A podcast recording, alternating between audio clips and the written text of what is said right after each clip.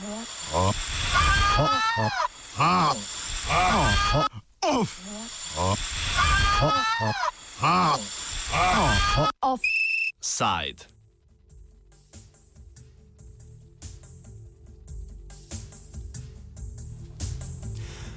Zgornji dom indijskega parlamenta Raja Sabha je včeraj potrdil sporni amadma zakona o državljanstvu, ki so ga že v ponedeljek z veliko večino sprejeli poslanci spodnjega doma oziroma Loka Sabhe.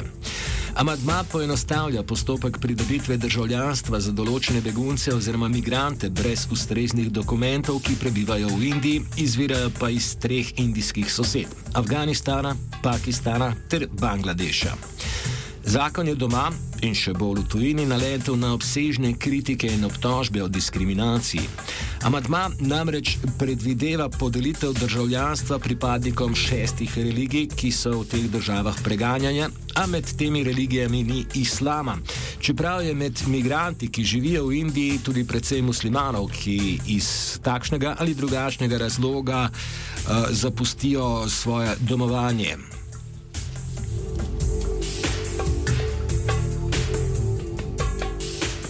Novinarka in urednica neodvisnega indijskega medija The Logical Indian Shweta Kotari opiše, zakaj pri tem zakonu sploh gre.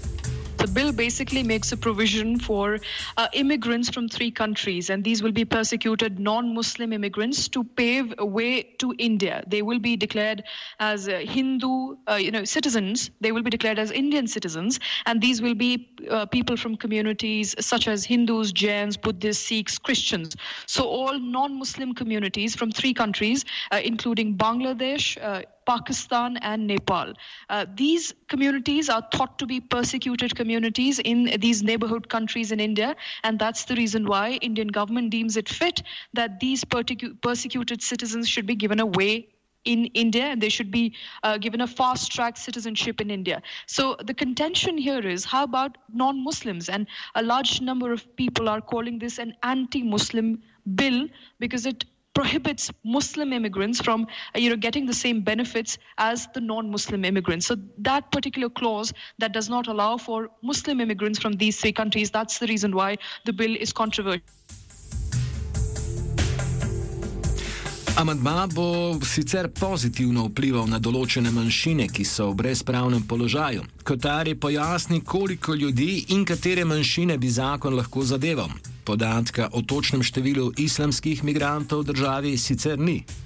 Yesterday, the bill was passed in Rajya Sabha, which is the upper house of Indian Parliament.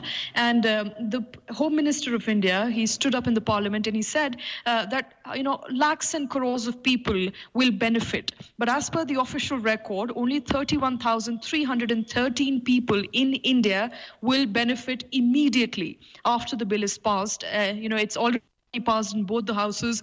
Uh, all that we're waiting for is the president to sign the bill and it will become a law. So immediately about 31,313 people will be able to avail the benefit of which about 25,400 people are Hindus and about 5,000 people are Sikh.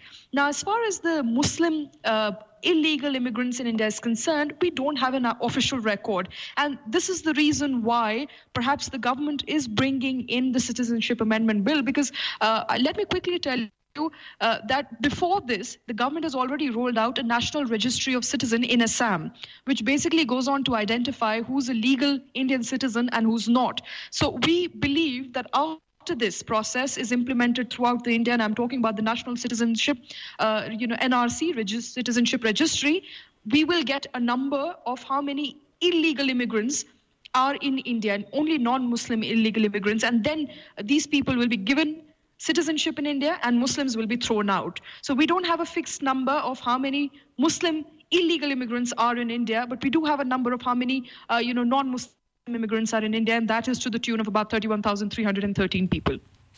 Drav Rati, indijsko-nemški aktivist, neodvisni novinar in YouTuber, pojasni, kako je vlada premijeja Nerende Modija utemeljevala sprejetje amandmaja. What Modi says and what his government says is they're doing this to help the prosecuted persecuted minorities from these countries because in Bangladesh and Pakistan there have been cases where there have been hate crimes and discrimination against Hindus or other people. So Modi says that he's basically helping those people come to India and get the citizenship so they don't feel left out. But the problem with this bill is that it doesn't cover all the prosecuted minorities. In this bill, he could have just written that any person belonging to persecuted minorities from these countries can get the citizenship. But they did not do that. They wrote the names of specific religions specifically. So what that happens is like if there is eight crimes against atheists in Bangladesh, they cannot come to India and get the citizenship the same way. There's there's six religions mentioned: Hindus, Sikh, Buddhist, Jain, Parsi, and Christian. This does not include Muslims. This does not include sects inside Muslims because even though Pakistan is an Islamic republic, there are some sections of society within the Muslims, like the Shias or the Ahmadiyas, who are persecuted there. You know, the the normal Muslims of Pakistan don't consider that Ahmadiyas and Shias are Muslims, even though the whole world perceives them to be Muslims. So there there are some crimes against them, and they are a minority who are affected in Pakistan, but they don't, but they cannot use this bill to get citizenship in India. Logika Modijeve vlade je torej v tem, da imajo muslimanski begunci tako ali tako na voljo veliko islamskih držav, v katerih lahko zaprosijo za državljanstvo. Švita Kotari meni, da taka logika težko skriva očitno diskriminatornost amandmaja, saj so tudi muslimanske manjšine v sosednjih državah preganjane. The logic question that we need to ask ourselves is uh, why then keep Muslims out? Because remember, as I mentioned earlier, you have Muslims who are persecuted in Pakistan, the Ahmadiyya Muslims, the Shia Muslims. And if the state religion was a problem, then even Sri Lanka uh, practices Buddhism as a state religion. And more importantly, in Sri Lanka, Muslims are persecuted. And let's talk about our other neighbors. Rohingya Muslims are persecuted uh, in Myanmar, Uyghur Muslims are persecuted in China. So, what makes a Hindu immigrant? from Pakistan more eligible for Indian citizenship as opposed to, let's say, a Rohingya Muslim? These are the questions that remain unanswered. The Modi government says this is about giving citizenship, not about taking away citizenship. And perhaps the Muslims in India should not feel scared.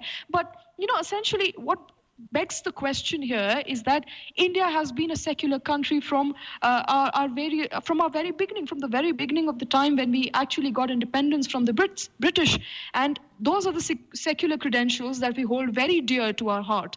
So we don't understand, as citizens of this country, the rationale behind why make India a welcome home to all the other religious minorities, but not Muslims. So I think that's the big question that the Modi government has still got to answer.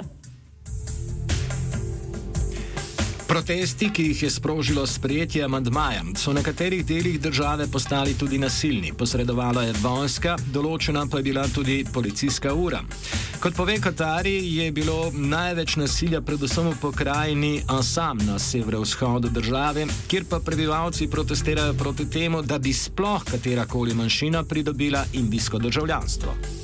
As far as opposition in certain northeastern states is concerned, remember Assam is where the NRC was implemented, and the Assamese today are on streets. There is a lockdown in Assam as we speak. Paramilitary force has been entered in Assam. The army has been brought in Assam, and large number of people are protesting. The protest has turned violent, and there is a curfew. The internet has been shut down. The mobile phones have been shut down in northeastern states. So the situation in northeastern states it's very grave. Uh, but in India, in the rest of the parts in India, uh, the people are divided. They're only fighting on social media. Uh, there is no such violent protest that is happening on streets. But in Assam, the situation is different because Assamese people believe that the government has betrayed uh, the people of Assam because they wanted all immigrants to go away, and they've been fighting for that for a very long time. But with this bill now, only you know Hindu immigrants and Sikh immigrants and uh, Christian immigrants will be allowed to stay, while Muslim immigrants will be asked to go back. And they don't really care about the religion of the immigrants.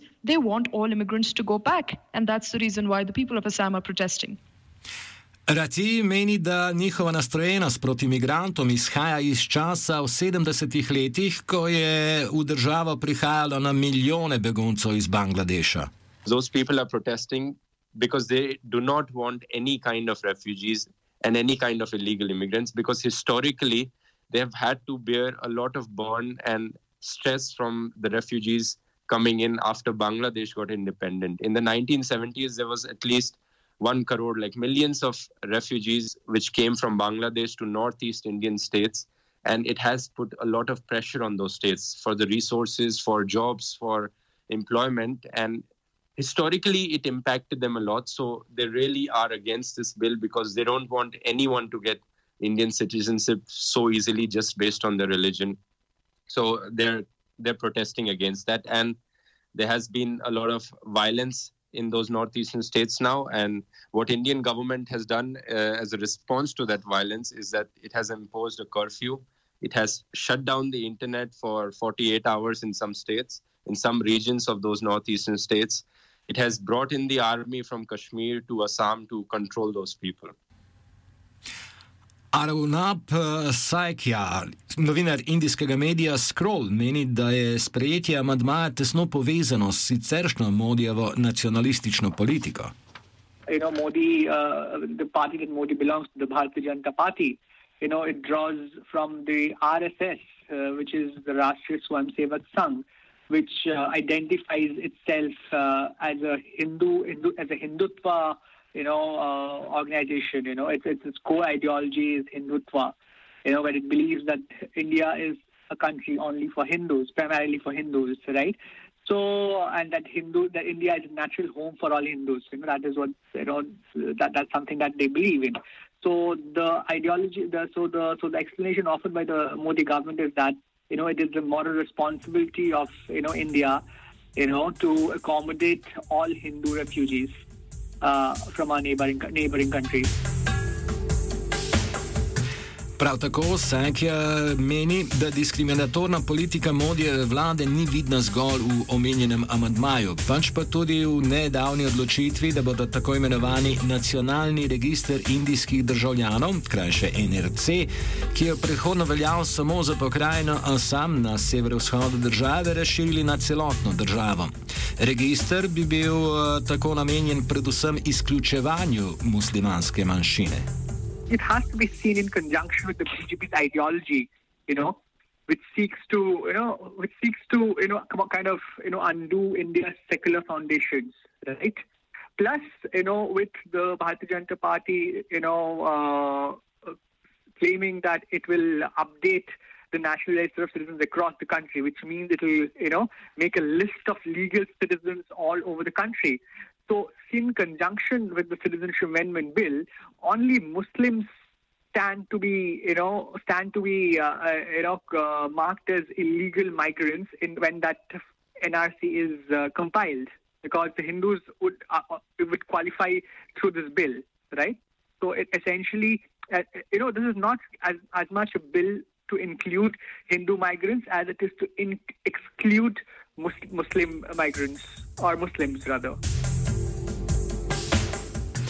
Nasprotniki zakona upajo, da bo dokončno sprejetje zakona preprečilo ustavno sodišče. Amadmaj naj bi namreč po nekaterih interpretacijah kršil 14. člen indijske ustave, ki vsem prebivalcem države omogoča enakost pred zakonom. Prav tako naj bi kršil zapovedano ločenost verskih in državnih institucij. A kot uh, za konec offseda pove Kotari, je Modijeva vlada prepričana, da bo tudi ustavno sodišče odločila v njen prid. Do think the, the law can be circumvented because uh, the you know the government obviously has its own ways around it. There are various loopholes in Article 14 which have been identified by the government to pass the bill. They have mentioned very clearly that it does not violate the Constitution of India and it does not violate Article 14. But we still have to see whether, uh, you know, the court will rule in the favor of the government or not. Remember, this is going to be a legal battle, and it really depends on how the court reads these amendments. Offside je pripravil Jure. Off.